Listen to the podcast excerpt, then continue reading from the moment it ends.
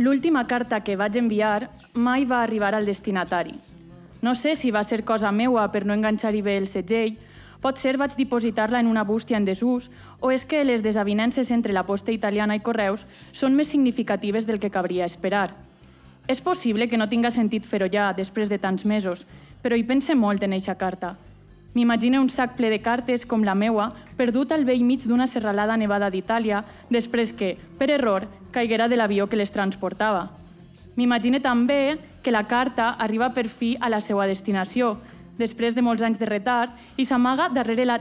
i pense en l'inquilí del moment, un absolut desconegut, totalment alià a la història que s'amaga darrere la tinta de boli bic negre, llegint encuriosit unes paraules premeditades i escollides amb molta cura que mai no entendria.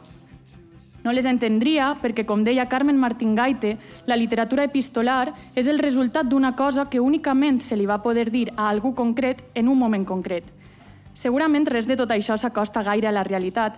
És prou més probable que la burocràcia hagi condemnat aquella carta a romandre abandonada en un magatzem polsós del Vèneto.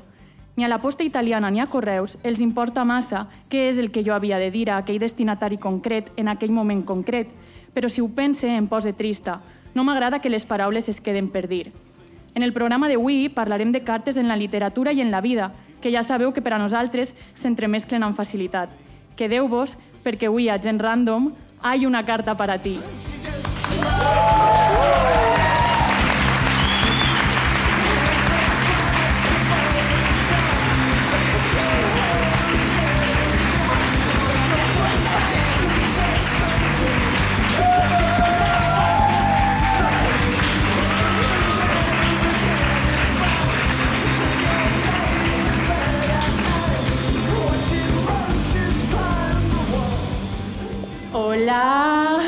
Bon dia a tots, a totes, xics, xiques, oyentat, públic, repartidora. I hola a Pol Huasc. Ben, benvingut, un aplaudiment per al nostre convidat, per favor.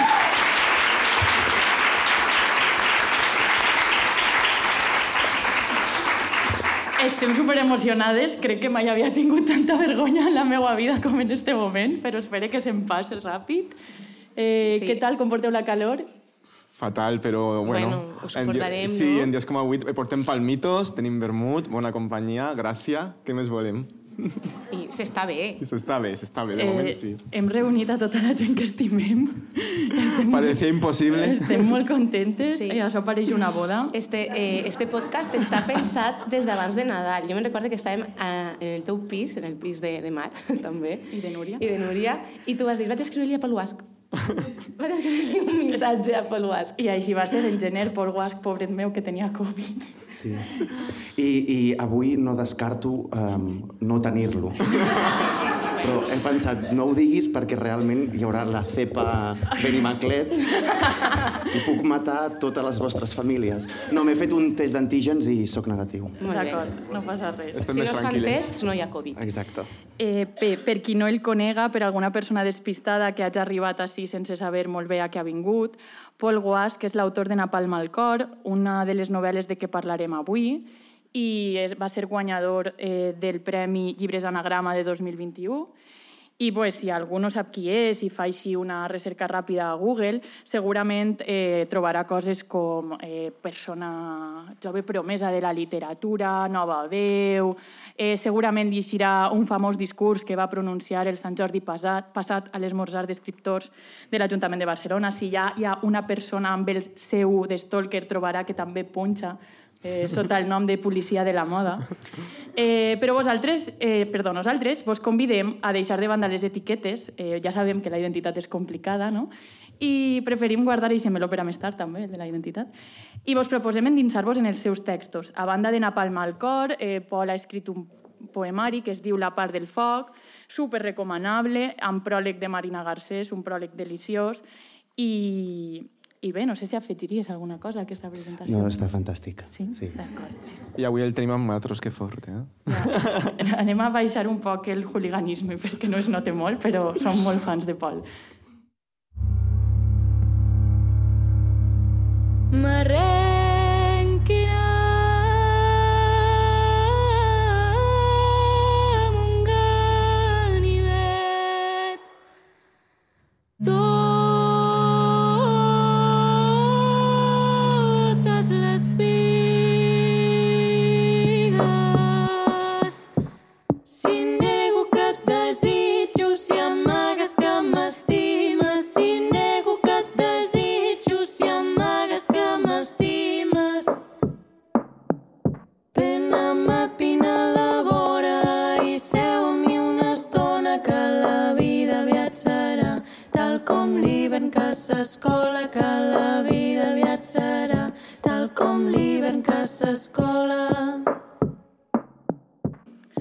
Sona El suïcidi i el cant de Tartarrelena, unes reines que van actuar, per cert, en un festi així xicotet, que no sé si vos sona, el Primavera Sound.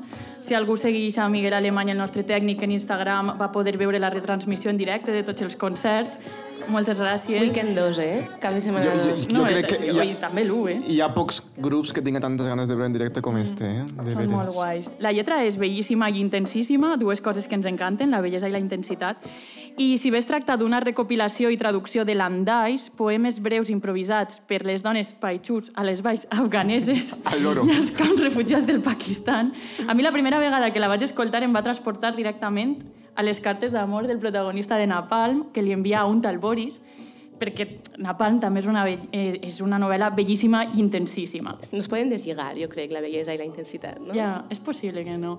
Eh, que hagi tingut una mínima interacció amb mi durant els últims 365 dies de l'any ja sabrà qui és Napalm al cor, perquè he anat aturant a la gent per ahir i agafant-la dels muscles i dient per favor, llis Napalm al cor, o sigui, és la literal, millor... que, que literal que l'Urdes ja de festa amb el giro a la bolsa. Sí, bueno, Llavors, va, desconeguts. i, a veure... Bueno, Jo abans ja t'ho he dit que hauries de cobrar comissió de les quan vulguis, ventes. Pol, de- quan vulguis. Encantadíssima. Sí, sí. Eh, jo vull aprofitar este moment perquè sempre parlem molt de prescriptors literaris, que si Berta Gómez, que si Laura Barrachina, no sé què. Jo vull avui trencar una llança pels meus prescriptors literaris preferits, que són els meus amics, que estan així, que són Álvaro Duro, que són Joan, Oh. perquè si algú va recomanar Napalm va ser Joan, i podem aplaudir a Joan. Ole! Bonico! I, I va ser ell qui em va dir que me llegira i me l'estava llegint ara fa un any, de fet. O sigui que si tornarem a un any enrere i dic, mira, d'ací un any estaràs en la repartidora plena de gent parlant amb l'autor, jo diria, eh, no. Però sí. Eh, el que passa és que se'm feia difícil recomanar el llibre perquè no sabia molt bé definir de què tractava quan, quan l'havia de recomanar, no? I comença sempre dient, no, però és un llibre que és més important la forma que el contingut, tal, no sé què. Però mentre vaig dient això ja me'n vaig penedint, no? Perquè perquè el contingut també és molt potent i també és molt important. Aleshores, si pensem en la forma, jo crec que és un llibre fragmentari perquè inclou contes, inclou cartes, inclou imatges, inclou poesia i, a més, el llenguatge té molt de pes, té molta importància. T'adones que les paraules estan triades amb molta cura, amb molta premeditació. No? Res és casualitat en Napalm al cor, pense jo. Però si atenem al contingut, tracta una sèrie de temes... D'entrada diria, és una novel·la sobre l'amor sobre l'amor a un amant, sobre l'amor a una mare, però també sobre l'amor a una llengua, a una terra, i sobre l'amor a la vida. Després pense més i dic, és, és també una novel·la sobre l'anel, sobre l'anel per sobreviure, lluiten molt per la vida els personatges, sobre l'anel sobre l'anel per estimar. És que I- és tan intens el que dius que Clar, s'acopla. és que...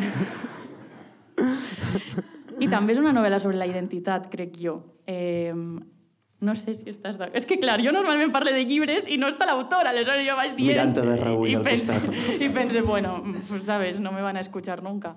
Mm, però ara està escoltant-me i està mirant-me, aleshores. I estàs d'acord? A veure, jo tinc dos dubtes abans de començar. Ens escolteu bé? Sí. Vale. És que, clar, jo vaig amb això que sembla un pilot d'avió ara mateix, només per parlar, saps? Um, sí, sí, Lourdes, tira, estic, estic fenomenalment d'acord. Sí, d'acord. Eh, també molta gent la descriu com una distopia perquè ocorre en un lloc desconegut, en un temps desconegut, un protagonista desconegut, i a més com que és un ambient així un poc que t'aplasta, no? O sigui, estàs llegint i estàs un poc incòmode, no? No ho sí, sé. escenari de mort. Postapocalíptic, cola- Sí, després sí. del col·lapso, I- una cosa Blade realment- Runner, no? Jo crec que a molts mos remet a aquests referents del cine, potser. Mm, fa, a mi fa, em fa patir, el, o sigui, em va fer patir la novel·la, però a mi m'agrada patir, o sigui, no m'agrada patir, però quan lliig coses, veig pel·lícules, escolte música, tendisc a- al patiment. Eh, però a mi em fa la sensació que tu, Pol, t'ho vas passar bé escrivint-ho, malgrat que fas a patir. Sí, és a dir, aquí hi ha una cosa, abans quan ens trobàvem la teva companya um, de feina, Pilar. De, de Pilar, um, i, i, no? és a dir, una novel·la que, que, de, que, que s'ha ressaltat molt com l'es- l'escenari distòpic que planteja, tot i que jo no era conscient d'estar escrivint una distopia ni tenia intenció d'escriure'n de, de, una, ni tampoc crec que n'hagi escrit una, eh? vull dir això, que quedi dit. Però um, sí que és cert que una, una novel·la de la qual s'ha remarcat molt el, el patiment que pot um, representar o el dolor que pot emmarcar, i és una novel·la que jo m'ho he passat molt bé escrivint, no? Mm. I, I és una cosa que sempre que em pregunten, no? Quin és el lloc des d'on escrius o per què escrius o, o què et porta a l'escriptura?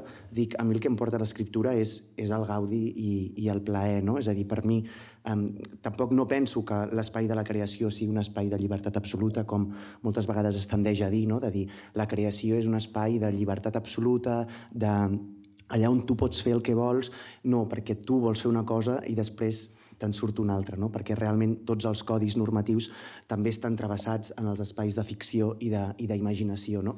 Aleshores, sí que és cert que jo quan escric m'ho passo bé, també, i, i, no, i no vull entendre la literatura o l'escriptura com un espai de fugida, eh? però és cert que en el nostre, diguéssim, espai vital estem tan codificats tota Mm, l'estona. No? Hi ha, per exemple, amb una qüestió tan pragmàtica com és el temps, no? És a dir, estem tan marcats per uns horaris i per mi entrar um, en l'escriptura i també en la lectura, és a dir, no només um, en el moment de la creació, sinó també en el moment de, de, de la lectura, um, per mi és l'entrada en una altra temporalitat. No? Mm. Aleshores, només per això, per poder experimentar un altre temps, que no és el temps del refresh, del like, del repost, no? Del- d'aquesta actualització constant, de, de saber coses, de voler més, de, de desitjar més, només per això ja val la pena no? entrar en el- entrar en l'espai de la creació, crec jo, vaja, o almenys com ho faig jo. Sí, que guai. Eh, de fet, és que paral·lelament a la- a la- a l'escriptura d'este guió m'he llegit eh, La búsqueda del interlocutor de Carmen Martín Gaite i diu una frase que em remet molt al que estàs dient, que diu que en cualquier caso de nuevo empeño literario encontraremos juego en su raíz. I és, crec que encaixa molt bé. I, i, I que per arribar a llocs, és a dir, jo quan, quan intento no, que hi ha aquella cosa que pot ser l'Albert Serra, que entre ser un geni i ser una persona amb molt d'ego, no? que ell mateix ho diu, i dir que ell fa pel·lícules amb unes imatges que no s'han vist mai. No? Ell diu això. Rebaixant-ho en un altre lloc, um, sí que penso que quan, jo, almenys jo, quan estic escrivint, intento crear es escenes, imatges, situacions que jo no he llegit o que jo desitjaria llegir o que jo desitjaria veure. No? Aleshores, això jo crec que només ho pots fer a través del joc, és a dir, també obrint-te l'error, obrint-te l'equivocació, explorant, sabent que et trobaràs mil vegades amb una porta que no podràs obrir, per tant n'hauràs de buscar una altra, no? I per arribar en aquest espai, no? en aquest empeño literari, no? Um, el joc hi és, hi és El fonamental. gaudi i l'enigma, no? que també Totalment. parlàvem en el programa sí, anterior. En no? el de- programa anterior és que parla, bueno, en part va parlar això. del de- gaudi en l'escriptura, de que hi ha com dos vessants, no? qui escriu seguint un, una repetició no? un, dins d'un cànon, entrar dins del cànon i, i com una, assajar i qui de sobte troba com Una escletxa, una no? escletxa i ahí és on surt la llum, no? i és ahí on trobes el gaudi. Totalment, i aquest tipus d'escriptura és molt improductiva, perquè, de fet, per arribar... És a dir, Napalm tenia el doble de pàgines que té publicat, no?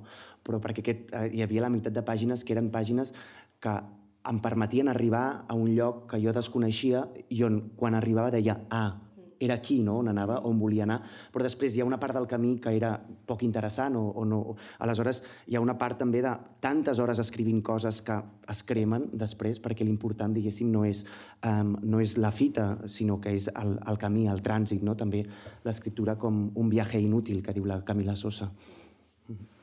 Clar, nosaltres en este programa, l'excusa... A veure, jo volia parlar de Napalm al cor, fora com fora en el podcast, i el capritxet ha sigut concedit, però elevat al cub, perquè mireu quanta gent sou i damunt està l'autor. És I que és molt fort, hi ha molta gent per la gent que ho estigui escoltant. Ens ha dit que I fa som- molta calor, Ens ha, les dues coses. ens ha dit que som el deforme setmanal del País Valencià. Què? Sí, no? Eh, avui parlem de Vivian Gornick i tot. No, A veure, jo penso que el primer directe de Deforme Semanal no tenia tant de públic. I aquí ho dic amb tot l'amor a la Lucía i a la Isa, però... Vull dir... Bé, la qüestió Dicho queda. és que jo crec que Napalm s'haguera pogut encaixar en molts programes, o sigui, parlant de, fa, de la família podríem haver-lo inclòs, però en este cas hem decidit parlar de cartes. I si vos llegiu Napalm o si se l'heu llegit, eh, hi ha una sèrie de- d'epístoles que apareixen al llarg de la novel·la. Les que més em criden a mi l'atenció són les que envia el protagonista a Boris. Només, a més, llegim una... Llegim unidireccionalment la comunicació, no? No sabem mai què li respon Boris. I a mi això és com que em fa pensar quan una amiga teua té alguna moguda amb la parella i et conta tota la versió i tu inevitablement et poses de part de la teua amiga però després dius, ostres, que si coneixera l'altra versió igual no, no empatitzaria tant amb ella, no? Però, clar, a mi m'interessa saber que, per què vas voler tu utilitzar les cartes com a recurs eh, narratiu, perquè tornant a Carmen Martín Gaite, mare meua, que pesadita, eh? És que quan una cosa m'agrada, m'agrada molt. I Es nota, es nota, tia. Està bé, està bé. els meus alumnes que estan així ho poden dir que, en fi. Eh, res, eh, aleshores, ella diu que, que, és la que les cartes són la narració dins la narració i que és un reflex d'una necessitat intrínseca del relat. O sigui que eh, aquest recurs és com intrínsec. Tu què en penses? Va ser pre... Òbviament va ser premeditat, però... Sí, és a dir, per mi, um, ja parlarem molta estona sobre les cartes no, avui, però hi ha una cosa, no? tu abocaves la paraula relat i la paraula relat en la seva etimologia significa tornar a portar. No? I, I precisament les cartes dins de la novel·la, o com les entenia jo, tenien alguna cosa d'això, no? és a dir, de poder, de poder construir tota una, narra, una narrativitat a partir i quan dic narrativitat també vull dir identitat, perquè què és la identitat sinó un conjunt d'històries que es van com amalgamant i construint entre elles, no? I moltes vegades aquestes històries, i això és una cosa que després crec que també hi entrarem, no? entre el contrast entre l'autodeterminació, és a dir, el voler-te anomenar tu a tu mateix, i la impossibilitat de fer-ho pel, pel que implica estar en diàleg amb els altres. No? A Napalm només hi ha les cartes que el protagonista envia al Boris. No veiem les respostes, fins al punt que hi ha hagut persones que m'han preguntat si el Boris existia, no? o si era una, una ficció especulativa del propi protagonista wow. a l'hora d'imaginar-se ell mateix. No? Aleshores, per mi les cartes eren una manera de, com de posar en escena aquest um, tornar una altra vegada, no? tornar, mm. um, tornar a posar lloc, tornar a insistir, no? perquè al final um, una vida um, són molts dies, que diu la Rodoreda, i, i hi ha alguna cosa d'això, no? també, com que una vida es construeix a partir d'aquesta insistència. I no només una vida, sinó també una, una, una relació. No? I a la vegada també hi havia una cosa que m'interessava molt en les, en les cartes, que era um, el contrast, o sigui, com la carta és un element ultrademocràtic, o va ser en el seu moment, això ja ho, discutirem, ja ho discutirem, un element molt democratitzador, no? És a dir, jo quan estava escrivint aquestes cartes, per una banda estava llegint les cartes que es van enviar al meu avi i la meva àvia quan estaven enamorats, Ara, en sèrio? i, i per l'altra banda estava llegint les cartes de, del 1926, que són les cartes que es va enviar a l'Atzvetayeva amb Rilke i Pasternak, no? Clar, a mi el que em, em sobtava d'això és que les, les cartes que s'estava enviant allò, el, els cracs de la literatura universal de tots els temps i les cartes que s'estaven enviant als meus avis doncs que um, apenes llegien i apenes escrivien, hi havia similituds, Clar. amb tot el perdó a Etsbetayeva. Um, o amb tot el perdó a mon àvia, no sé a qui li hauria de demanar perdó. Um, però um, hi havia similituds. I el que m'impressionava d'aquestes similituds era no només la construcció de la subjectivitat, no? de la individualitat, d'un relat propi, sinó també un desig i una aspiració estètica, fins i tot en la vida més més banal, no? Totalment. o menys rellevant a nivell històric com ho podia ser la, la dels meus avis, no? Uh, migrants, pobres, etc. Clar, que m'interessava veure que hi havia frases que dius això que ho ha escrit la meva àvia o ho ha escrit la Tzvetayeva, perquè hi havia, crec que en les cartes hi ha aquest desig també com de, de voler construir, d'aspirar com a, a una mena d'ideal estètic, Sí. que de fet Tzvetayeva ho deia, no? deia per mi les cartes són la meva obra també, no? I això ho veus també en les cartes que s'envien Kafka, Kafka i Milena, que la Milena està pilladíssima, que té unes ganes de casar-se, que no s'aguanta, i el Kafka en realitat el que vol és fer literatura. I llavors algú li hauria d'haver dit a Milena, tia, amiga, date cuenta, no? Cuenta, claro. I, i clar, hi, ha, hi havia hi ha aquesta aspiració a l'estètic, no? a, a crear un relat que va més enllà de la subjectivitat, sinó que mm. també hi ha com una mena de tendència a la bellesa Sí, que m'interessava. Que guai. No, no, superbé, Pol, mare meua. Eh, Sí, Però jo, bueno, a mi les, les parts de les cartes m'han semblat els moments més íntims també de la novel·la, no? El moment que, que el Boris, que, és que s'obria el Boris, el protagonista, no? Que, que, so, que, que treia allò més íntim seu i també, després en parlarem, però la carta com aquest lloc de calma, no? de que dius tu, de que te transporta a un altre temps, que te permet reordenar tot el que tens en ment, que te permet posar-lo sobre la fulla en blanc, inclús les cartes que deixa la mare al, al seu fill, que totes plenes de tatxons, de correccions, de, escrites d'aquella manera que potser no sabia escriure del tot, no? Eh, però, no sé, a mi m'ha m'ha paregut sempre el moment més íntim de, de Napalm al cor. El moment epistolar. Sí, i també jo crec que això um, va en relació amb com llegim aquest dispositiu des de la contemporaneïtat, no? És a dir, que la carta sempre és una ofrena d'intimitat i, per tant, un regal d'alguna cosa amagada, jo crec que això ho ha estat sempre. Però ara més que mai, en tant que... I també hi ha aquest punt de vista certament perillós, que és el de romantitzar el que abans era un, un, una necessitat imperiosa de comunicació. No? Però sí que és veritat que en aquesta necessitat imperiosa de comunicació també hi ha un regal d'intimitat i, per tant, un accés a un lloc amagat que només s'arriba amb l'escriptura. No? I això sí que és veritat que els moments de Napalm són aquests moments. No? En, un, en un context en què la carta no s'activa per un, un desig romàntic, com potser sí que s'activa avui en dia, 2022, en països catalans, um, sinó que en aquell moment també hi ha un desig necessari de comunicació. No? Llavors la carta està a cavall entre la, la voluntat de sobreviure i d'aspirar a un món comú, però també com amb, certa, amb cert to, diguéssim, d'obrir-te a un lloc desconegut. No? Mm -hmm. De fet, el, Bori, eh, el protagonista i el Boris no parlen quan estan junts. Pa Clar, parlen exacte. a través de les cartes, que és quan s'expressen. Eh, una cosa que m'ha encantat, eh, i ho he pensat molt en la segona lectura, no? eh, és com, es, com presentes el protagonista. Eh, el protagonista el coneixem a través de la seva relació amb els altres, em pareix una manera no només des de la literatura, des de l'acte purament literari, presentar-lo així com a exercici narratiu, em pareix superinteressant, sinó que traslladant-lo a la vida, no? És a dir, a veure si aconseguís que explicar bé aquesta idea. No sé si s'entén ben el guió, però bueno. Eh, hi ha una frase que, que dius... bueno, tu no, la diu el protagonista... bueno, hi ha una frase, Anna Palm, que diu, ja ho deia l'avi, això, que el Déu més fort i poderós són els altres quan et miren. I això em va traslladar una altra vegada a Carmen Martín Gaite. ¿Cómo no? Otra vez, pero es que...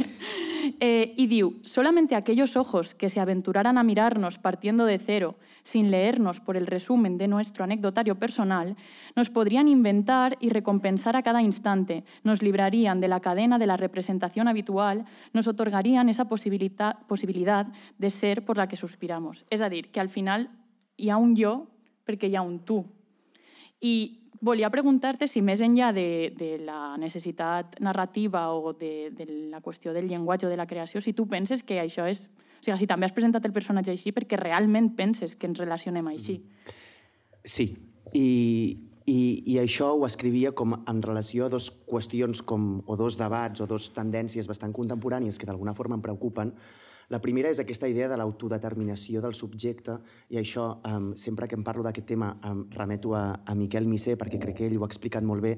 De fet, va fer unes... Digues. És que Miquel Misé ens va fer un curs així. Estem parlant en el mateix lloc on va parlar Miquel. La mateixa taula. La mateixa taula. Sí, la mateixa cadira. espiritualment. Estem flipant per moltes coses avui. De, Exacte. de feina. I el, el Miquel va fer una secció a la ràdio, eh, al Vostè Primer, molt bonica, que ell explicava tots els noms que, havia, que ell s'havia posat a ell mateix abans d'arribar al nom de Miquel, de, havent fet el trànsit, no? Uh -huh. I com um, ell havia, havia escollit certs noms, um, noms que jo li vaig dir, quin mal gust, també t'ho he de dir, um, sort que es va quedar en Miquel, um, però que ell deia, és que no ho he escollit jo, um, Miquel, no? És a dir, jo vaig dir tal nom i com el meu entorn, les meves amigues, no? aquest nom no el van escollir, o sigui, com no acabava de quallar la cosa fins que vaig arribar al nom de Miquel i el nom aquest se'n va quedar. Però se'n va quedar no perquè jo me'l definís de mi mateix, sinó perquè el meu entorn va acceptar aquest codi de diàleg, no? Jo crec que això és un, com una experiència molt, molt senzilla, no? molt fàcil d'entendre per, per comprendre aquesta fal·làcia de l'autodeterminació del subjecte que ara està com tan en boga, no? -huh. um, siguem empresaris de nosaltres mateixos, decidim què volem, qui volem ser, com volem ser, no? que hi ha com aquesta mena d'imperatiu que -huh. realment um, és, és fal·laç. No? Això per una banda, i per l'altra banda, una, una tendència que a mi em preocupa, que també és aquest imperatiu de l'experiència com a únic mecanisme legítim per poder explicar històries. És a dir, representa que les coses que hem d'explicar són històries que ens han d'haver passat a nosaltres, perquè si no ens han passat a nosaltres no tenen tant de valor mm. o no són tan importants o no són tan legítimes. I a mi això em preocupa com a persona que crea, perquè penso, si validem que l'únic que importa és la nostra pròpia experiència que passa per aquesta tirania no? del jo, jo, jo, jo, que no estic en relació amb els altres, quin és el lloc de la ficció en, en, en, en, en un món que només valida l'experiència pròpia o la història verídica um, i com a, com a cas paradigmàtic és um, que Crims sigui el que, el que ho peta a Catalunya. No, no sé si aquí Sí, també... aquí Sí, així tenim Crims crims, a i hi ha un Hi ha un altre Crims crims a punt que a es diu l'hora fosca. Sí. Sí, també. És que al damunt fan uns títols que dius, de veritat. De fet, jo me'n recorde que en, quan vaig anar a veure't en aquell Noves Veus que Mhm. van fer al CCCB, uh, un, un, un noi del públic, un xic del públic va preguntar pot ser que les novel·les que esteu presentant o els llibres que esteu presentant estan trencant en l'autoficció? Mm. Tenim- Ah, no me'n recordo. No Va ser un dels últims i tots vau dir com, pues, de les tres que esteu, o de les quatre que esteu parlant, pot ser, vam dir, pues, pot ser sí, aquesta siga com una de la novetat, no? Exacte. Estem trencant o ens estem una miqueta alliberant del que s'ha anomenat de forma molt pesada l'autoficció, Mm. autoficció, i poc podria anar per ahí. Sí, i crec que, i totalment d'acord, i que crec que les, les conseqüències d'aquesta dèria amb l'experiència pròpia les veurem amb el temps, no? Totalment. I veurem fins a quin punt la ficció, diguéssim, queda com tacada o, o, o debilitada per, per això, no? Però jo com a persona que crea, a mi el que m'interessa és... I no vol dir que no m'interessin relats eh, de, de, en primera persona o experiències pròpies, perquè hi ha moltes maneres d'entomar-les. Eh? M'acabo de llegir un llibre, Facendera, l'ho he llegit? Ai, tinc moltes ganes. Twitter Literatura Oscar García. unes necessitats que no teníem. Ho dic perquè juga amb aquest concepte, Mare perquè al final és una persona contra una història que en principi és ser el protagonista, però és mentira, no és suya, és d'un amigo. Sí, dir, i, i, és una història que se va construint, de fet, qui la conta va afegint ingredients nous i llavors juga amb el concepte d'autoficció. Sí, com posen i al cap relat. la idea del, del relat Clar. verídic, no? Exacte, sí, sí. sí. És molt xula, m'ha agradat. Jo quan penso en la- en l'autoficció m'imagino com una massa mare, que vas posant un poc d'aquí, un poc d'allà i al final es transforma en algo que... A veure, quantes experiències n'hi ha ahí o quantes eh, ficcions. I en l'últim programa ho dèiem, que l'Odissea, el remat és això, no? Al llarg dels segles, algun moment, en algun moment algú la va fixar, però era, era tot un món oral sí. que, que anava modificant-se depèn qui tingués al davant i qui fores tu.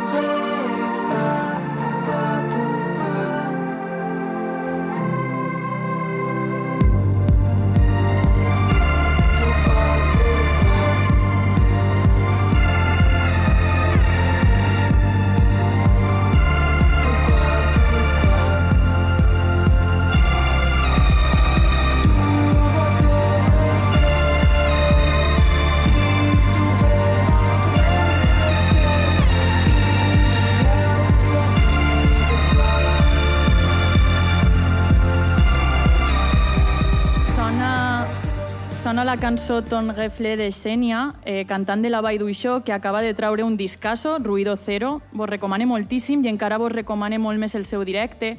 És una d'aquestes noves veus que estan creant una esceneta musical superinteressant a la ciutat de València i de noves veus de l'escena musical saltem a les noves veus de l'esceneta literària i és el, la, la pregunteta. Jo quan li contava a Núria quines preguntes li volia fer a Pol, va dir, això és la teua pregunta.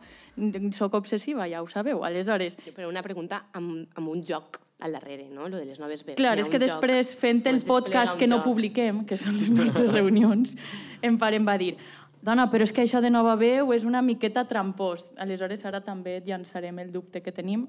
A mi no em pareix tan problemàtic, però, però bueno. Eh, res, que l'altre dia parlava de llibres amb un amic i ell em deia que, que el que li interessava era, eren obres on s'observava un poc el que comentaves tu abans, no?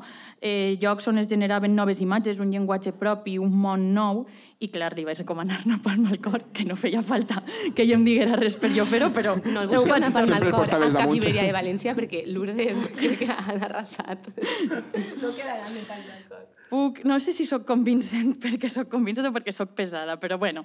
Eh, la qüestió és que també podria haver-li recomanat Canto jo i la muntanya balla o Terres mortes, i això em porta a pensar que estem en un moment molt dolç en la narrativa en català, però també a la resta de l'estat espanyol, no? i penso en Andrea Abreu, penso en Cristina Morales, que són noves veus potentíssimes, que també tenen un llenguatge propi, i a més que totes aquestes novel·les estan traduint-se a altres idiomes i això, com a traductora de formació que sóc, em pareix superimportant, superinteressant. No desenvoluparé per què, perquè si no estem tres hores i fa molta calor.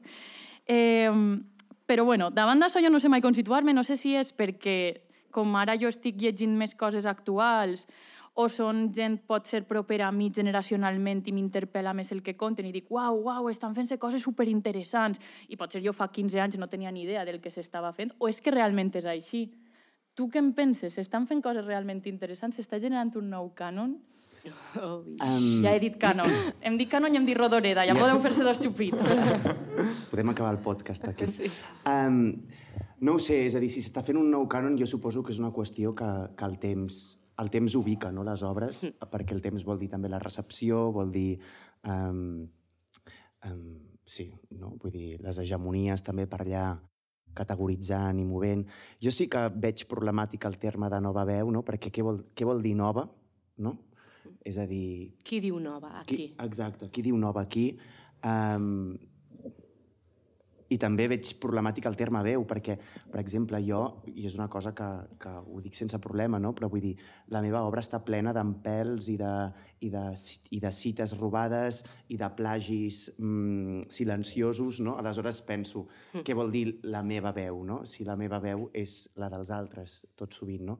I aquests altres són persones amb qui puc compartir um, temps històric, però molts d'ells són persones amb qui no, no comparteixo temps històric, ni territori, ni llengua, no moltes vegades. Sí que penso, però, que s'estan fent coses molt interessants i que les coses molt interessants no sé si van vinculades a l'edat, però sí que van vinculades potser en aquesta necessitat que comentàvem abans de, de, de fer de la imaginació un espai d'esmena no? de fer de la imaginació un espai com de contestació i això hi ha una cosa molt bonica que diu la dona, la dona Haraway que ella parla del nostre present com un present dens en tant que present complex, present difícil pres i parla també d'un planeta ferit i diu davant d'aquest present dens en un planeta ferit el que cal és cultivar les arts que facin possibles... Uh, M'ha encantat el que dius, perdó. No, no, no. És que estic Però és que és molt bonic això que Hay diu la emoción Haraway. en la Sí. sala. No, no, no, és que és de veres. És que ho pensem fer moltíssim. Fer la possibilitat d'esmena, això m'ha encantat. Això. I ella és molt bonic perquè ella diu, um, converteix el terme, responsa... se'n va a l'arrel etimològica del terme responsabilitat i diu, responsabilitat vol dir habilitat de donar respostes. No? I, per tant, sí que crec que hi ha persones que um, tenen aquesta inquietud. De fet, crec que la, fix, la, la bona ficció, no? la bona, um, les, les bones arts què vol dir bo, no? però enteneu-me. Um, les arts interessants són les que han intentat donar respostes a un present dens en qualsevol moment històric. I és cert que ara um, vaig, estar, vaig compartir taula a Rodona, a Madrid, amb, amb una escriptora que es diu Elisa Victoria, que us recomano. Mm, que hem parlat En aquí. en este podcast n'hem parlat Sí. moltíssim. Molt. Massa i tot, sí. I a ella li van preguntar, "S- s'està gestant una generació? I diu, mira, a mi jo no vull parlar en termes de generació per tot el que implica, però esta gente que està aquí són mi pandilla. I, Que guai. I em va agradar. Que I tia vaig més guai. Sí, és una tia molt guai. I vaig pensar que, que m'agrada aquest terme, no? Pensar que... I la meva pandilla és la Elisa Victòria, que té 38 anys, també ho pot ser l'Andrea Abreu, que té la meva edat, no? Però també ho pot ser la Rodoreda, no? Vull pensar que també... Buah, nosaltres pot també estar a la meva volem que pandilla, Rodoreda siga de la nostra. jo, jo et llegia a tu. Jo de la seva, ella no de la meva, perquè Nosaltres- sóc jo qui s'agenolla. La Carmelina Sánchez Cutillas en la nostra pandilla aniria molt bé, Jo llegia eh? Anna Palma al cor i és, els vaig escriure i els vaig dir és que és la, el model de llengua al que hem d'aspirar. bueno, eh, eh, no sé, després d'haver llegit molt en català, era la llengua que em parlava, era la llengua que a mi m'interpel·lava. I, I és la llengua que quan eh, lle- lle- llegeixes Rodoreda o llegeixes inclús Víctor Català, és la que t'interpel·la. Perquè jo, gràcies a llegir Víctor Català, he pogut retrobar-me en paraules que deia la meva àvia, la meva iaia de, de, de, de, del, sud, del sud de València, i estàvem parlant de Girona. De, de... Llavors, és aquesta llengua la que... em- I crec que per això sí que hi ha un nou ca... Jo crec que sí que s'està generant un nou cànon o, o, o l'estem entomant, aquest nou cànon, però I, i això que per de- imitació, però és que... sí, però és que tot funciona així, Clar. no? Al final, si estem en relació amb els altres, que és el que parlàvem, Sí. és inevitable. És que esteu dient moltes coses i diria moltes coses, però el que has dit de, de la ficció m'ha fet pensar en una xica que és poeta, que és de Granada, que li diuen Rosa Verbel, no sé si la coneixes. No. Súper interessant. Eh, va escriure un article en Contexto, crec que era, sobre la possibilitat de, mm, de la poesia per generar nous imaginaris, més enllà de la distopia. O sigui, un poc el discurs este que també té l'Aila Martínez, que necessitem crear utopies i no tant distopies perquè necessitem imaginar mons millors, etc. I m'ha portat molt al que estaves dient. Així que mira, te la recomane. És superinteressant. Ha tret ara un poemari que té molt bona pinta.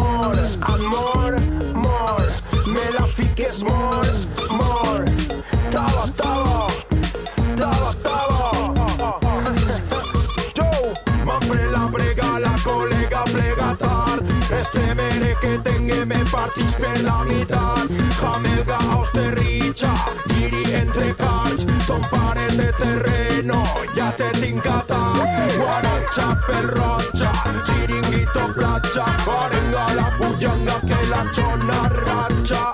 No sigues estreta, la vida t'apreta. A la biblioteca, Virgo Vicenteta.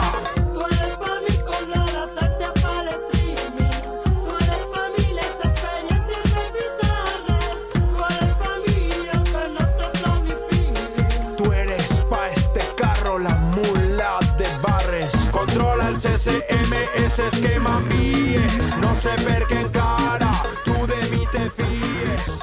Quadra hospitrera.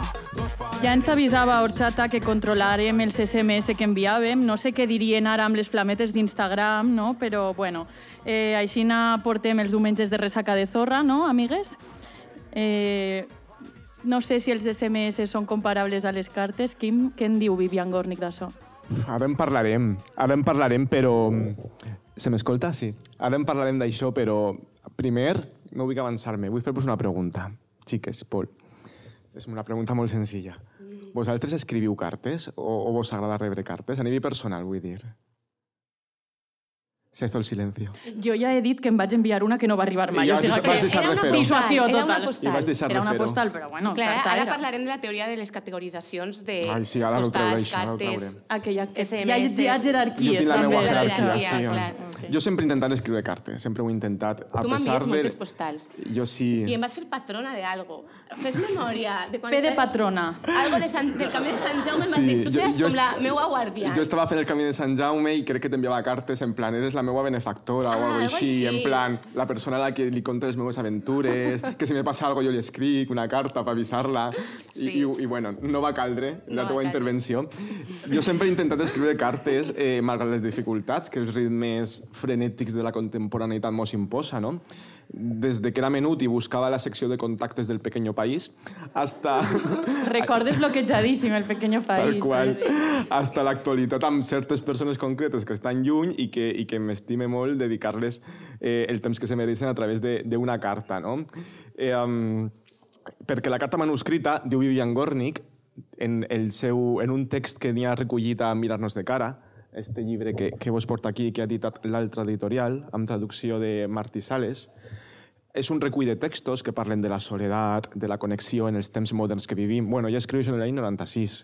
No sé ara, que encara està viva, què en pensarà d'estos anys 20 que estem vivint. Però ella, eh, en este recull de textos, té uno que se diu Escriure cartes, que és en el que em vull centrar ara. Un text en el que ella parla tot dels avantatges d'escriure cartes o de les, dels punts forts que ja hi troba. Eh, per exemple, la il·lusió de rebre'n una, no? de veure aquesta llumeneta blanca il·luminant la bústia, que, que és tot un món que algú ha dedicat un temps a escriure't.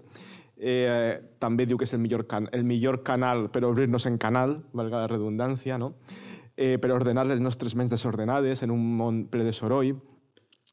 Eh, I a pesar d'això, també ella se lamenta de que estos temps que viu ella en l'any 96 quan escriu això, eh, quan té l'impuls de comunicar algo, el primer gest que fa no és el d'agafar paper i tinta i escriure, sinó despenjar el telèfon i fer una criada.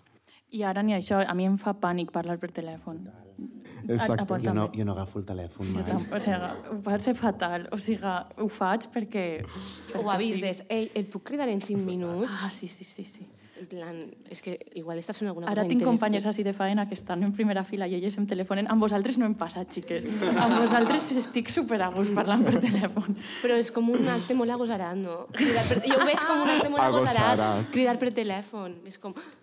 Estàs interrompent la calma d'algú que potser està fent altra A cosa, mi és que em no? fa vergonya. És una de les poques coses que em fa vergonya en la vida. Fer un podcast davant tanta gent, no? Però Mm, és Ara, al principi un poquet estava tremolant-me la mà, però ara ja està, eh? ja estic bé. Bueno, abans mos han dit que, que eh, Pol de, mos comparaven de forma setmanal, gràcies Pol. Eh, Crec que ells també parlen de Vivian Gornick, potser és allí està el lligam, mos falta parlar de Sontag i ja està.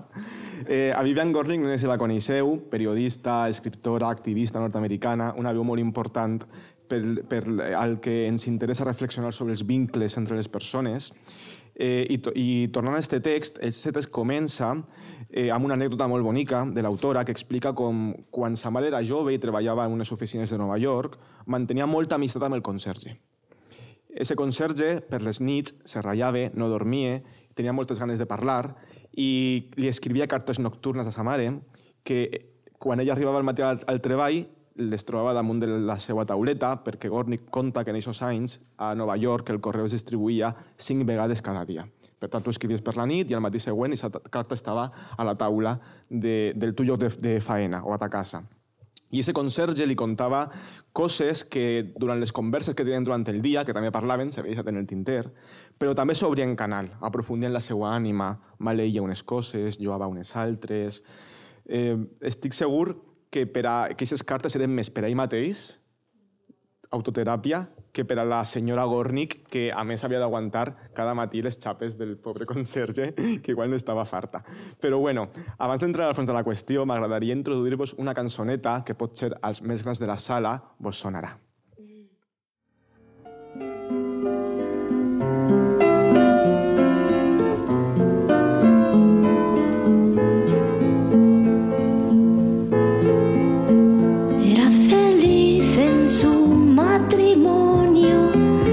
Su marido era el mismo demonio. Tenía al hombre un poco de mal genio y ella se quejaba de que nunca fue tierno. Desde hace ya más de tres años recibe cartas de un extraño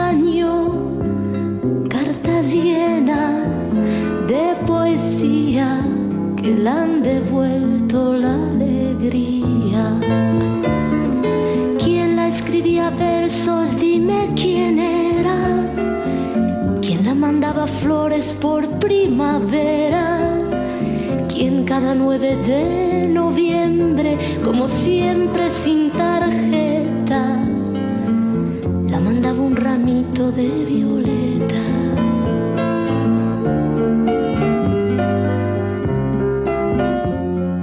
Dit la gent gran, però jo així he vist la gent molt jove dándolo todo, eh? És o que sigui... Cecilia és una referente al remat.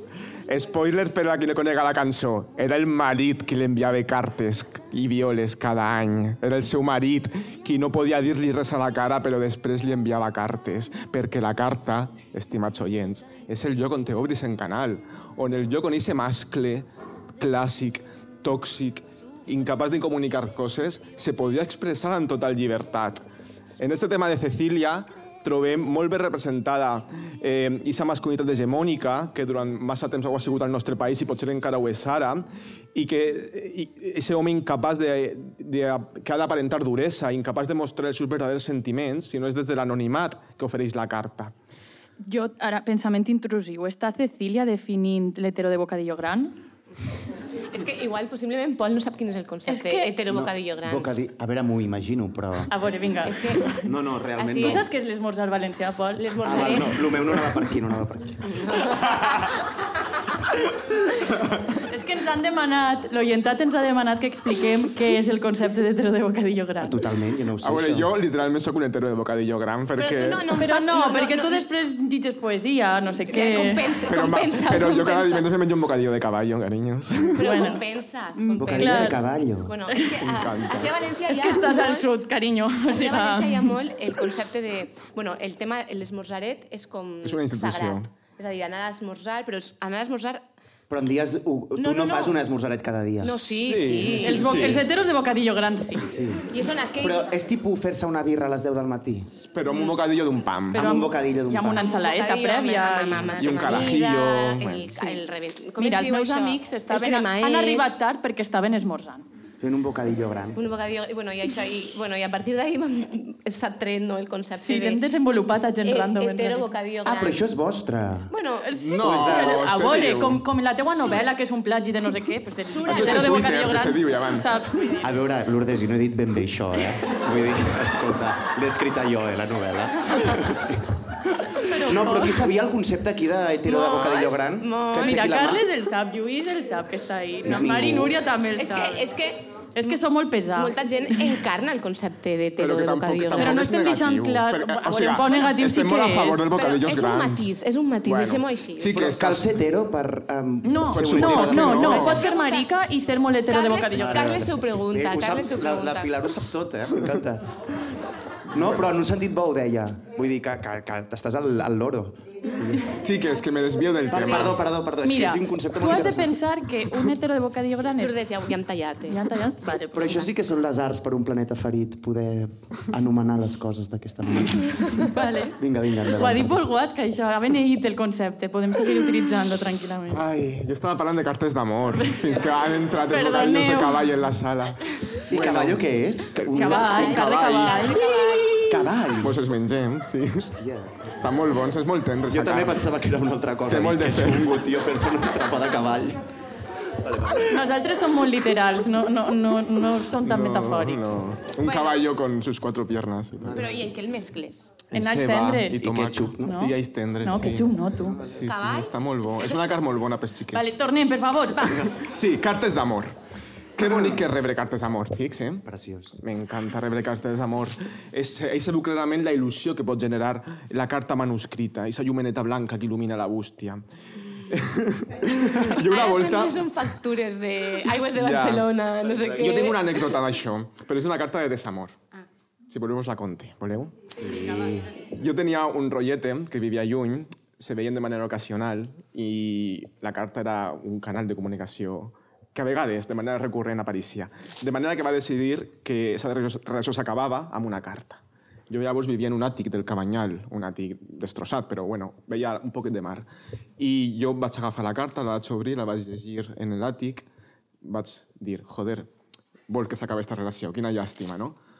Llavors vaig deixar la carta damunt la taula i una ventada va vindre i se va endur la carta. Teula de senyar i se va encarar amb una teulada, cosa que me va parèixer una metàfora superbonica del fi d'una- de, de la fi d'una relació. Paraules alades. Paraules salades, tal qual, del nostre Però, programa. però superdur, no? Perquè, o sigui, va parecer bonic perquè era per carta, però si et deixen per WhatsApp... A mi, ja, és que a no mi és el mateix, Lourdes. Bueno, És que jo sí que tinc una doble vara de medir con esto. ja, jo m'haguera enfadat. Jo, bueno, és que jo tinc una teoria, que és la de la jerarquia de les comunicacions. Vinga, tira-li. És una teoria, és, és una teoria pròpia, però potser esteu d'acord. Que és que n'hi ha una jerarquia. Hi ha comunicacions que són millors que d'altres. Sí. Comencem per ahí, d'aquesta base. N'hi ha unes que estan damunt i que fan molta il·lusió i que són per coses importants, i altres que són per dir-te, ell llego tarde. ¿vale? I, que, I que no exigeixen zero esforç. No? Jo, jo us ho puc imaginar. La carta manuscrita està en el top, dalt de tot, en el cim. I l'àudio de WhatsApp, este que un amic te fa perquè te A manda dos i d'escriure, mig. I te l'escoltes a dos i mig. No. està baix de tot, baix de tot, baix de tot. N'hi ha àudios de WhatsApp molt bonicos, sobretot si tot de persones que estimes. Jo m'envia àudios de 10 minuts quasi, eh? Vale, però això ja t'ho estàs currant. I els escoltes a uno. Sí, sí, és important. Eh, vale. Sí. És que si no pareix que la persona estigui enfadada. I s'està... Em passa molt amb Núria. Núria, quan la poses ràpid, està super enfadada i pensa, hòstia, no, no puc tolerar que Núria s'enfade amb mi.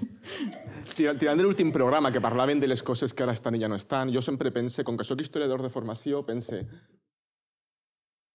amb què van a treballar els historiadors del futur? Vull dir, igual que nosaltres anem un arxiu ara i remenem la, les cartes manuscrites d'altres autors, què van a fer en el futur quan vulguin saber la meva vida? Mirar els meus whatsapps? A mi això em pareix un poquet també eh, per, perillós parlar d'això. Què vols dir? De què faran les generacions futures si no saben el que és el paper escrit? Ja, però és que jo tinc Eh, que se un poc deje d'historiador, en, no sé. en, un poc tecnòfob, tecnòfob És que sí soy. Ja ho eres, ho eres. Però jo no, jo no, jo no ho soc, jo no ho soc i, i em sembla una mica també terreny pantanós, això. Jo no vull ser agorera, però és que s'acabarà el món. O sigui, Ja, no bueno, sí, el remat. Bueno, tornant a la Gornick, xics, xiques. Ella es pregunta per què escrivim? Per què escrivim cartes o escrivíem cartes en pretèrit? Segurament pel mateix que enviem whatsapps, no? Eh, per establir una connexió, per continuar un diàleg... El resultat acaba sent el mateix, encara que hi ha moltes diferències. Eh, Gornick parla de l'escriptor de cartes com una persona que narra, que vol comunicar una cosa, però també, a banda, parla de quin dia fa, de fa digressions, hi ha una voluntat estètica en la carta, no? com deien antes, diu antes citant altres autors. Hi ha canvis d'humor. Ella oposa tota l'estona el fet de narrar una carta, com Lourdes acaba de dir amb, en boca de Martin Gaite, amb el simple fet de transmetre informació que aquests àudios que simplement transmeten informació en plan, llego tarde, està, per això estarien en la meva escala de comunicació en terra, en el més baix. D'acord? Gornick s'atabala en un món que considera ple de soroll. Ella està molt ressentida amb el seu temps, amb el temps que li ha tocat viure, que quan escriu això és la dècada dels 90, no sé encara què pensarà. Parla de la tele, de la sobreinformació, dels sobreestímuls, que la gent ja no se reuneix als cafès, que està tot el dia tancada en casa, a mi aquests llums blavetes que sempre les finestres, no? Ella diu que, que aquest món que ella volia s'ha acabat. I ella sent que sempre que vol dir algo i en lloc d'escriure la carta agafa el telèfon, contribueix a aquest món que s'està morint i que ella contribueix a seguir matant-lo. No? Eh, ella contraposa això els sobreestímuls de la, el, la carta, no? el full en blanc, la calma. Ella, quan escriu cartes, se relaxa, se concentra. És una espècie de monòleg introspectiu d'autoconeixement. No? Llavors, arribat a això, Pol, jo, ja que estàs així, te volia preguntar, antes ho has esmentat un poc per damunt, no sé si estàs d'acord amb les virtuts que Gornick atribuís a la carta manuscrita, o, o, o inclús te diria, què opines d'aquesta teoria de la jerarquia de les comunicacions que jo he dit i que, i que en part m'he m'he esmenat? Amb, amb la teoria estic super d'acord. Sí, ta. sí, sí, sí, Vist. funciona. Sí, dic que no, dic que tampoc ens hem de posar molt haters. No, no, de, vull dir que és un que, que respon a una cosa que passa a la realitat, no? Vull dir, no, sí. No, és a dir, jo estic també de, molt, és molt interessant el que diu la Gornick i, i m'agrada molt aquesta idea de la, de la carta com... És a dir, com, com deia abans, no? com hi ha un gest d'ofrena, però també hi ha... Um, jo crec que també és tan, no només és, és, és potent i és fort en, en l'accés a la intimitat, sinó també, i és una cosa que deia abans, no? sinó per on pots accedir o a què pots accedir amb una carta. No? Per exemple, pots accedir a, a la possibilitat del canvi. És a dir, és bonic. Jo em pregunto molt, i això és una cosa que diu el, Stein, el George Steiner, diu les cartes d'amor són super avorrides perquè són sempre iguals, les cartes boniques són les cartes d'amistat perquè és on s'activa pensament i on s'activa, no? diu, els grans, des de Goethe a Schiller, a això, a Rilke, Tsvetaeva, han passat, s'ha produït pensament, s'ha creat pensament, s'ha activat pensament a través de les cartes, no? Però jo trobo que el que és bonic de les cartes, més enllà de l'ofrena d'intimitat que tu regales a l'altre, hi ha alguna cosa que és a, a, on, on entres, no? I entres això, a la possibilitat d'accedir al canvi en un, amb un... Crec que era el Jaume Fuster, no?, que deia el primer que et negaran els teus enemics serà la possibilitat de canviar d'opinió. I, I, en canvi, en les, en les cartes ja que t'apu- tu accedeixes no? no només a la creació de l'assaig, del pensament, és a dir, de com discorre la ment de, de, amb qui comparteixes, quan per WhatsApp, per trucada, moltes vegades això no passa, no? Inclús moltes vegades quan estem en conversa amb amigues fent una cervesa, no veiem com l'altre pensa, no? I accedir al pensament de l'altre, a com l'altre va, enca va encavalcant no? d'un tema a un altre, ara s'enfada, ara relaxa, ara t'explica aquella anècdota, ara hi torna, jo crec que això és una cosa que s'activa en, en molts pocs espais, no? I després hi ha aquesta qüestió que també comentàvem abans, que és la, la cosa de l'artificialitat de la carta, és a dir, per què escrivim cartes avui i ara, no? No és perquè les escrivien fa 30 anys, fa 40, fa 50, no? Hi ha un, un gest artificial que suposo que en aquesta artificialitat també hi ha la recerca d'alguna cosa perduda. No sé si nostàlgia neorrància o, o um, espai de, espai de, de pausa, no? perquè la carta, sobretot el que és, és una altra temporalitat, s'activa la temporalitat de l'espera, és a dir, no només el que deies tu, la il·lusió de veure el sobre blanc esperant a la bústia, sinó l'espera que implica i, i com això és el coneixement d'una part de nosaltres que tenim absolutament soterrada i que forma part d'existir, l'esperar, però ens hem desacostumat, no? hem perdut la tendència a l'espera. Aleshores, també activar aquests ritmes d'espera um, i, de, i de temporalitat divers, jo crec que també és un regal que fins i tot qualitativament potser és més interessant que l'accés a la intimitat. No? Amb una persona amb què t'estimes ja saps que tu tens la possibilitat de malmetre aquella intimitat que se't regala, però en canvi que et regali la possibilitat d'esperar, jo trobo que això sí que és un regal, no? Ja està, és que no tenim res més a dir. Sí, sí.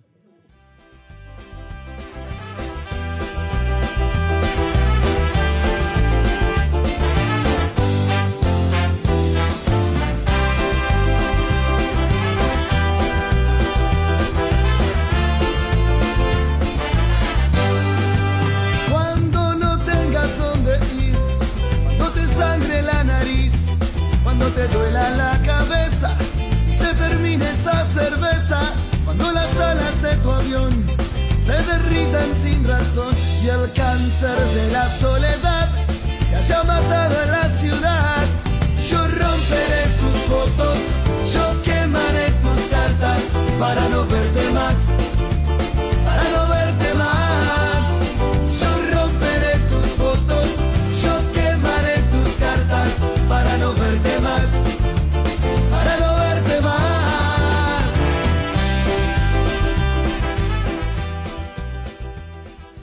Estem molt remembers avui, eh? Ha triomfat, la teua proposta ha Sí, triomfat. habían brazos en el aire. Sí. A veure, per l'orientat s'ha de dir que el públic està supercontent, superin, molt in, però també molt esgotat de calor, no? Sí, anem a anar una miqueta- Anem a anar retallant, sí. Eh, però esta cançó l'he posat perquè és testimoni d'un temps en què semblava que trencant les cartes d'algú podies oblidar-lo per a sempre, no? Ara el pots bloquejar de xarxes i ja està. Són nous temps, sí. passa res. Sí, però el bloqueig també és trampós, perquè sempre estàs ahí tornant, no? És, Sí. és complicat. Passem, continuem. Sí. Si vols... Vale, ja? Sí, Bueno. en part, deleitamos en la teua part. Pues tornem a escoltar una altra cançó. Sí? Pues vinga. Vinga. Vinga, per què no? Per què no? Així hem pillat el tècnic a contrapeu, eh? Podem parlar de la Mentrestant, categoria és una de cosa, tècnics? abans, abans de... Abans de la categoria de tècnics no, no, que tenim. tinc una cosa a dir que dir. El nostre tècnic és excel·lent, per Este suposat. sí. Però abans de despedir-nos... Però hi ha com molts tècnics, tècnics, tècnics que no tenen personalitat, no, no, tenen, no tenen sentiments. Són un poc... Tècnics. Són un poc engi- ingenieros. I n'hi ha canallites, també. La Oh, ja veus, teníem un canallita. Sí. I després Jordi Coll, sempre en nuestros corazones, que és guai. Sí, Jordi que Coll el té millor. pinta de portar camisetes de cucuxumuxo a l'estiu, que això ja és com molt guai.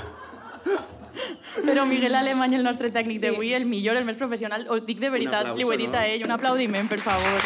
vale. Simplement, abans de passar... I àudio, àudio set, àudio Sí, set. però abans de passar, abans de passar, Miguel, eh, acabe la meua jo a, a les cartes, perquè jo soy de Team Cartes, a pesar de... de Ha quedat molt clar, eh? A pesar de que a vegades m'enfonse en ese eh, nostàlgia neorrancia, a vegades jo em clave el peu ahí, encara que pese el trec ràpid, és que quan una persona t'escriu una carta, tu veus la seva lletra com és, xiques. Oh, és que això, És que això és això és una cosa molt important, Això perquè quan anaves a important. escola, a la, el xic o la xica que t'agradava, tu sabies quina cal·ligrafia tenia, reconeixies la lletra de les teues amigues. I això ho die Home, molt. clar. Les meves amigues sí, però és que... I a tu, la a tu alumnes la t'agradaven coneixes, els xics de la teva també. classe? Jo què sé, pues supose que sí, qui m'anava a agradar? Ja, però... En qui feies la teua vida I, social? ells encara escrivien en llapis, les xiques passàvem abans a escriure en boli. Categories, sempre. És que tu amb això pots saber, és una persona Bueno, interessada. eh, si els mar... Espera, si respecta els marges, te pot incloure eh, poemes, dibuixos i cançons en la carta. Te pot incloure flors seques, que ara, xiques, és moment d'assecar-ne flors. Si no ho heu fet encara, no sé què espereu.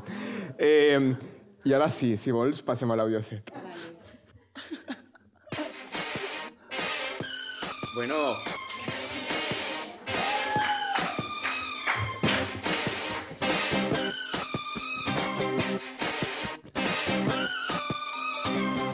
Baby, can't you see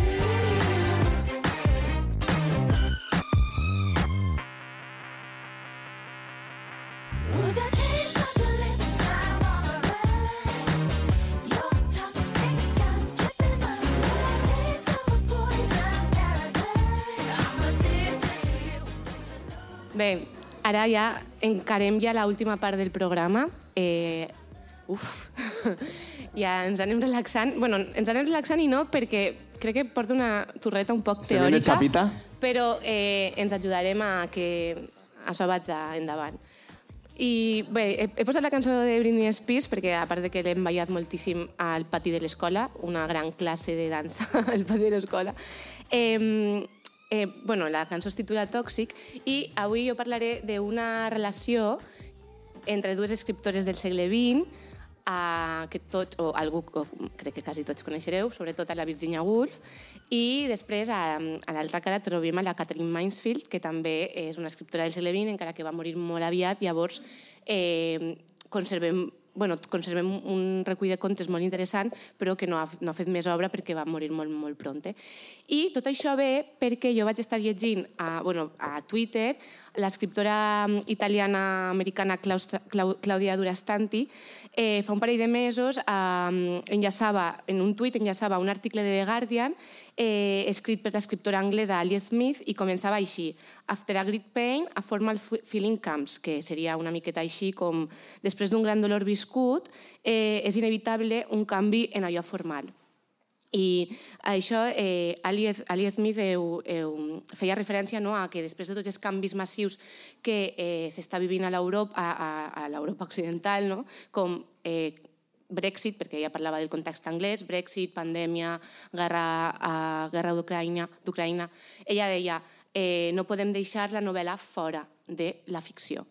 I, per una banda, ho vaig, vaig considerar que ho podia enllaçar a, en, ho podia portar a, a la taula en aquest programa perquè eh, crec que la novel·la de Paul, ja ho hem parlat abans i hem estat parlant molt, crec que també respon, o encara que tu no has volgut situar-la, i crec que amb un escenari de post o col·lapse o el que siga, crec que sí que hi ha un canvi formal interessant i que la teua novel·la troba les, seues, les, les maneres per expressar diferents dolors. No? Llavors cre creia que eh, estava molt vinculat no? eh, aquest after a great, a, després d'un gran, d'un gran dolor, no? els canvis formals en la ficció, en el storytelling, en el relat, eh, es fan patents. No? I, i em direu, i què té a veure això amb la carta, amb la, amb la, amb la, amb la literatura epistolar? No? Doncs eh, en el mateix article de The Guardian, Ali Smith feia referència a la relació que van tenir eh, Virginia Woolf i Catherine Mansfield i, eh, sobretot, per cartes i com aquesta relació eh, via epistolar va ser un gran brou de cultiu per a que, la, per a que les, la literatura de les, de les dues anara una miqueta en paral·lel i es convertirà en la literatura que, que hem llegit, que hem pogut llegir d'elles. No? Eh, bueno, eh, par, bueno, Virginia Woolf i Catherine Mansfield són dues escriptores, no? com ja he dit abans, eh, i que les hem d'entendre com a resultat del moment històric que van viure. Les dues van viure la, a l'Europa de les grans guerres, van viure la Primera i la Segona Guerra Mundial, només la Woolf la segona, perquè Catherine Mansfield va, va morir abans, abans, i això va afectar, com deia, enormement a la seva manera d'entendre la literatura.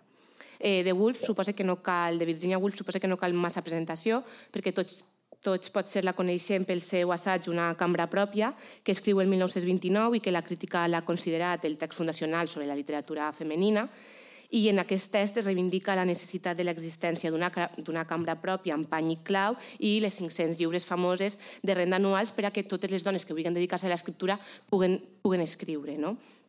Eh, però llavors, en 1929, a, abans de 1929, la, la Woolf ja havia escrit Orlando, eh, la novel·la que li regala i li, i li dedica a la seva estimada Vita Sackville West, que van mantenir una relació sentimental, és a dir, no eren amigues, se, Se comien comien el el coño.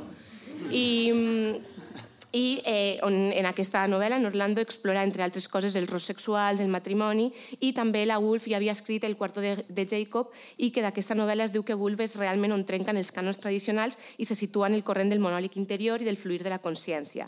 Bé, tot això ho estic explicant, eh, jo de la Woolf m'he llegit La senyora Dalloway i, i Una cambra pròpia. Eh, Pol, tu poss possiblement, si en saps més, afegeix informació, però eh, crec que estic dient una miqueta per a que ens situem, perquè crec que queda molt, com molt arredonit parlar dels canvis formals i també de les relacions entre cartes. Per tant, crec que és una manera de tancar. Val?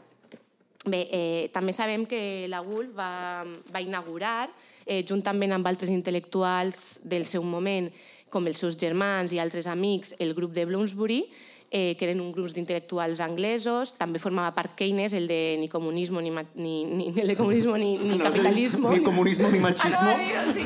El Libertad. De, el, exacto, exacto. El de estadi, el de, eh, l'estat del Sí, benestar sí. i tota aquesta... Però, cosa. en la part, tercera via... Jo he sentit, jo el que he après sentint podcast és que aquest cercle de Bloomsbury s'ho passaven a molt bé, no? Superbé, van trencar completament en la, en la Anglaterra victoriana, no? Allà sí. parlem moltíssim també de la identitat. Nosaltres haguem format part, si haguem viscut allí. No ho sé, no ho sé. Mos hagueren acceptat. No ho sé perquè eren tots aristòcrates i això és una cosa que ara parlarem del viatge de classe que separa la Virginia Woolf i a la Catherine Mansfield però no sé si formarien part perquè, clar, aquesta gent, la Virginia Woolf no necessitava les 500, es, els peniques aquests per escriure perquè ella ja tenia la cambra pròpia. De fet, el seu marit era Leonard Woolf, era un jueu que eh, va, van, i van fundar junts la, una editorial, no? I, I, bueno, podríem dir que el grup de Bloomsbury era el cor eh, intel·lectual de l'Europa del moment, no? Un poc així. Bé, Els guais de la classe. Sí, Clar, és que jo, Però- jo crec que no haguérem estat ahí. no per les condicions no. materials, jo crec. I perquè... Bueno, bé. No ho sé. Seguim, seguim. Bueno, bé, i qui és l'altra escriptora de la història que possiblement queda una miqueta més en l'ombra perquè eh, va morir molt joveneta, va morir als 34 anys de tuberculosi i, i per tant la coneixem molt poc a través de seus contes. Jo he llegit algun conte que estan tots recollits en català, crec que en l'editorial Proa, sí, vale? Mm, i bueno, eh, jo, la, jo sobretot a Catherine Mansfield la conec per Rodoreda, perquè Rodoreda diu que bueno, era una gran... Quan l'època de Rodoreda d'escriure contes, crec que era una de les seues, eh, diguem, com... Eh, Inspiracions, inspiracions, diria que sí. Però després he llegit algun, algun conte d'ella. Val? Ella eh, era neozelandesa, eh, emigra a Europa i mor molt joveneta per, per tuberculosi, va perdre un germà en la Primera Guerra Mundial i tot això va, va influir moltíssim en la seva narrativa. També eh, Mansfeld eh, era, eh, bueno, que també era una gran lectora de poesia i la seva prosa té molts lligams amb, amb els poetes i no tant amb els prosistes. Per això crec que també, Pol, la teva obra, el, el, el teu llibre, també té molts, eh, molts més vincles. Jo veig moltes imatges molt més poètiques que no tant de la, de la, de la narrativa o de la, o de la prosa. Per tant, també creia que estava tot com molt vinculat. Llavors, crec que ho estic justificant que estava com... Bueno. I, i bueno, eh, eh, bueno, això ho llis perquè una cosa que em va semblar molt interessant que eh, ho escriu la, la Marina Porres en una crítica perquè diu eh, la, la Mansfield, no? la Mansfield eh, treballa per filtració, vol captar un sentiment i transformar-lo en, un en un detall, no pas fer el gest narratiu d'explicar-lo. Eh, I a part, a banda d'això, també la mort va condicionar moltíssim la seva obra, perquè ella sabia que en breus eh, moriria perquè els seus pulmons no anaven a aguantar. Per tant, eh, les seues obres, tot i que estan eh, tacades en un escenari de mort, la mirada està ensucrada que crec que també està la mirada del protagonista de Napalm també té una mirada molt dolça, també és una mirada molt ensucrada. Ah, no, no diria que molt um, naïf, però sí una mirada um, molt esperançadora, amb molta llum. I crec que també volia com treure una miqueta. Bé, i ara veia una miqueta el beef o el hater que tenen Catherine Mansfield i Virginia Woolf, se que això sempre mal. mos interessa moltíssim i que Home, es posaven a caldo. Es Tota po- aquesta, ara- tota aquesta gent de, de la, del Bloomsbury aquest es posaven a eren caldo, uns però... falsos. I, a, i a, no a la cal. Caterina És Mansfield... que té que ser terrible, a la, a la eh? Caterina Mansfield no la van deixar formar part de Bloomsbury. Imagina't. Ara és que veus com són els guais del pati. Tu Bueno. vols que siguem això, Quim, de veritat. Sí, de fet, eh, bueno, eh, tant és així que la, la Mansfield, que jo crec que anava una miqueta més anava més ràpida que la Wolf, li va dir, eh, li retrau a la Wolf que no s'està donant dels canvis que s'estan esdevenint en l'Europa del moment i critica, i critica d'una forma superpèssima la, primera obra, la seva primera obra, la de Wolf, que és Fin del, és fin del viaje, no sé si està traduïda al català, no sé, que és com una obra iniciàtica, i després també, i la que més li va caure a Virginia Woolf, que li criticava la Mansfield, és Noche i dia. Diu, d'aquesta última, Mansfield, en una carta que escriu al seu marit, també escriptor, que es veu que la Mansfield tenia una relació de convivència en un escriptor, diu, eh, bueno, posa de volta i mitja a la Wolf i diu que eh, és una, aquella novel·la, El noche i dia, és una mentida per a l'ànima. Diu que la novel·la no pot deixar de banda la guerra i li diu a Virginia que és una traïdora i una aristòcrata que, mo que mostra sorpresa i incredubilitat quan sent eh, que altres persones fora del seu grup intel·lectual hagin sentit a parlar de Shakespeare. Eh, li diu que és una Jane, una Jane Austen desfasada i, i diu, eh, i diu, i el seu home li diu, eh, bueno, Le- Leonard dice que ha escrito el artículo arrastrada por su, su deseo de verme fracasar, que si yo eh, caía dejaría un espacio por donde ella podria colarse. Llavors, aquí ja comencem a veure aquesta rivalitat entre les dos escriptores que jo crec que gràcies a les cartes i gràcies als diaris d'ambdues, de tant de la Catherine com de la Virginia Woolf, hem pogut arribar als nostres dies. Per tant, diaris i cartes, benvingudes sempre. No? Jo crec que sí. Eh, bé, a Virginia Woolf això li senta molt malament. Home, i, normal, també t'ho dic. sí, i d'entrada... És que li ha dit Jane Austen desfasada. Totalment. És... Bueno, i, i després, i, però espera, ara, ara veràs per on surt la, Jenna, la, la Virginia. Bueno, és molt hater amb, amb Mansfield, però en realitat reconeix que és una de les poques dones escriptores que, del seu voltant que troba estimulant de veres i compromesa amb l'ofici d'escriure. Per tant, jo crec que d'aquesta rivalitat hi ha una admiració profunda. Entre elles dues hi ha un gran viatge de classe, com ja hem dit abans, i això també condiciona molt aquesta amistat. Virginia, als seus diaris, reacciona així just després de conèixer-la. A, a Leonard i a mi ens haguera agradat que la nostra primera impressió de Mansfield no fos que fa pudor. Diu, Uau. "Ape- apesta como una mofeta. És que no ho he traduït, està en castellà, eh? Apesta como una mofeta.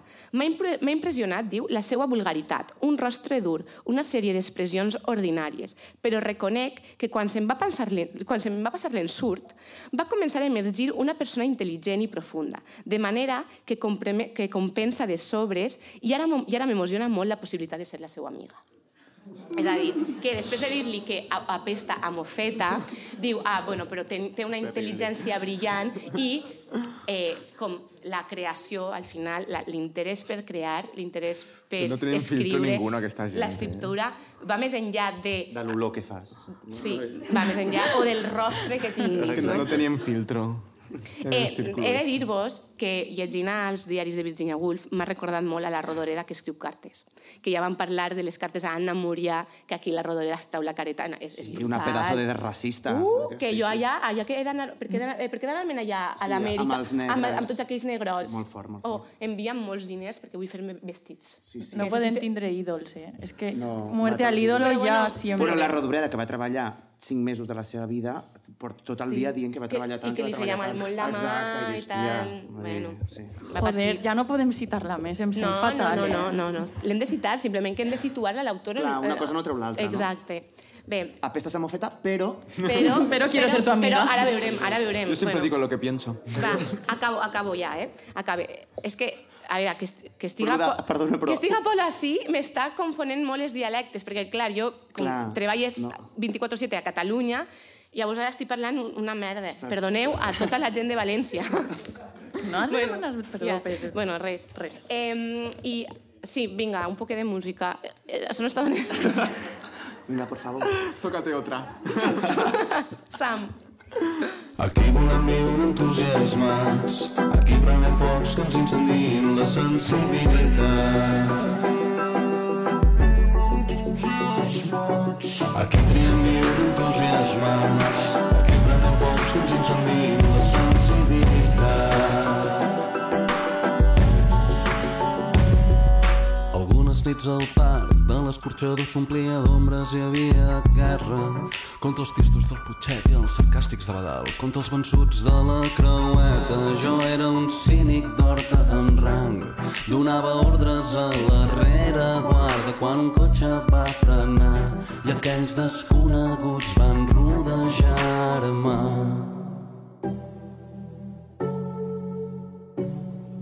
Em van amordassar i el que m'anava més va dir Portem unes paraules. No són uns manaments ni els articles de cap llei. Les sents per dins no les acates. Les hem vist convèncer les persones més a lloc i les més espatllades però tranquil, aquí no et jutjarem. No tenis cap pregunta inadequada. Cosa volem la meva gent i jo. No és servir d'exemple, Bueno, ja per acabar és com un himne a si alguna cosa volem la meva gent i jo és no, ten, no servir d'exemple. Llavors, això sempre és molt nostre, no?, de gent random.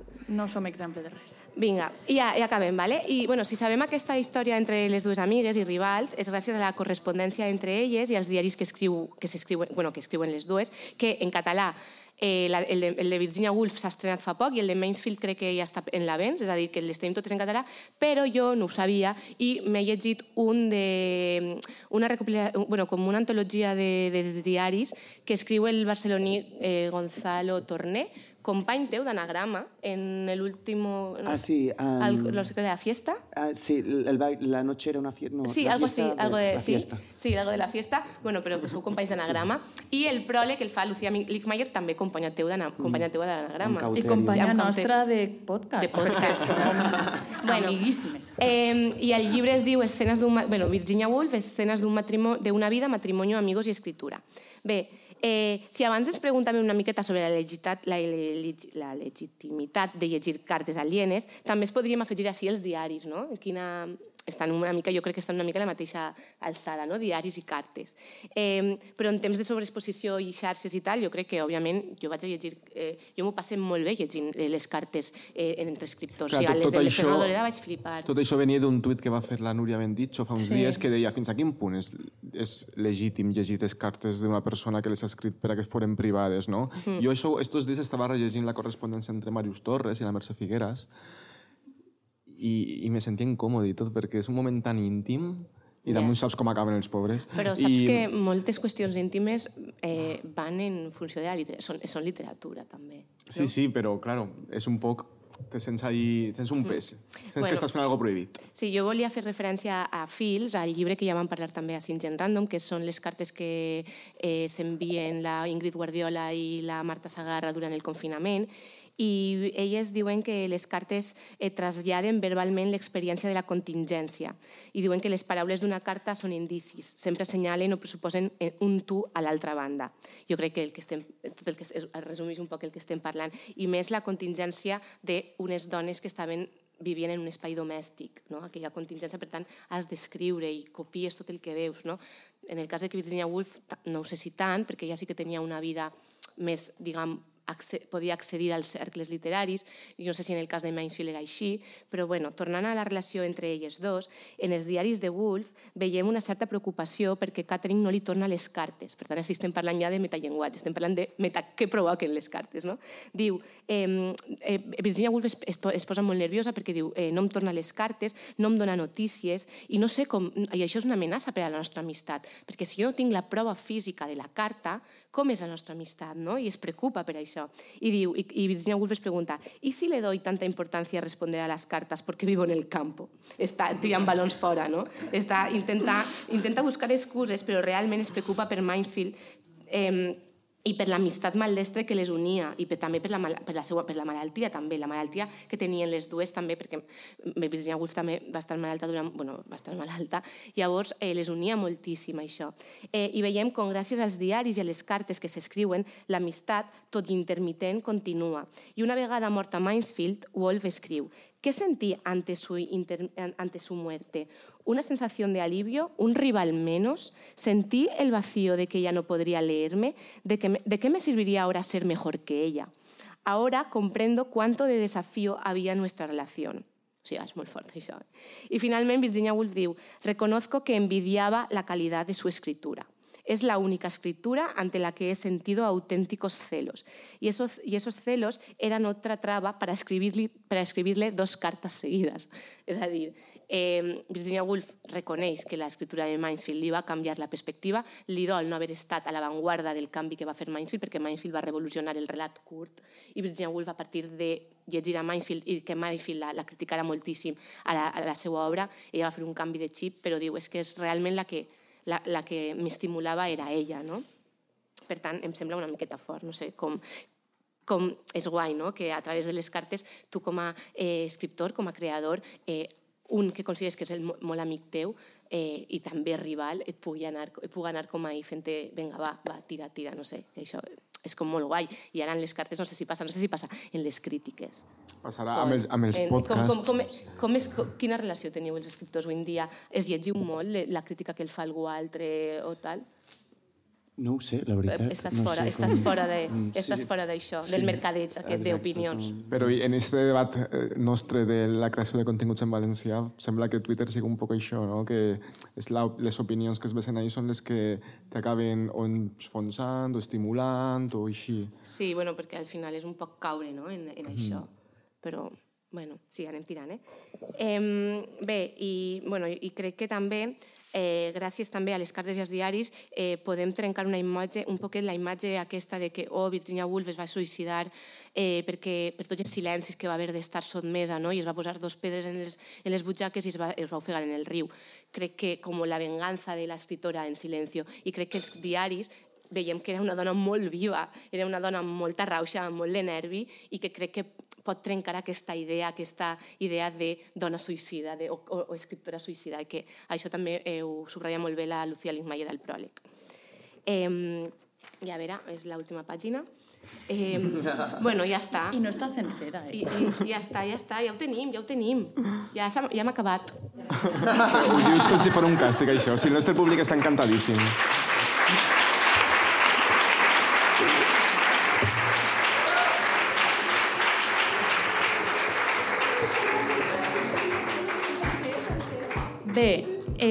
No podem anar-nos en sense agrair a moltíssimes persones el podcast d'avui.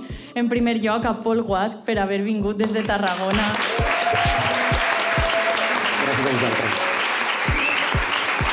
En segon lloc, a Miguel Alemany, el millor tècnic que hem tingut mai.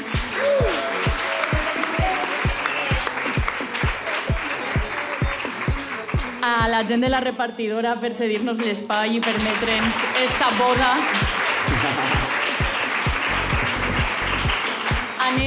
Benlloc per vendre birra i vermut per l'autogestió del projecte. I per fer-nos els cartells. A la xarxa d'emissores municipals valencianes, en repre... així tenim a Sinestèsia representant, a Jordi Coll per fer-nos de tècnic sempre, sobretot al públic per haver vingut, de veritat que estem super emocionades, super il·lusionades, ha sigut super bonic. Moltíssimes gràcies per vindre, per aguantar esta calor, per aguantar tot este temps. Un aplaudiment per a vosaltres, per favor. I només volem fer un recordatori i és que l'últim de la temporada, l'últim directe, serà a Vilafamés. El 14 de juliol, Al mas de Quim. al meu mas, DM per assistir, prometem festa forta, salseos, seguir construint en definitiva un relat comú i després ahí vos esperem, ja vos anunciarem el 14 de juliol. Estiu. l'agenda. Moltes Passeu un bon gràcies. estiu.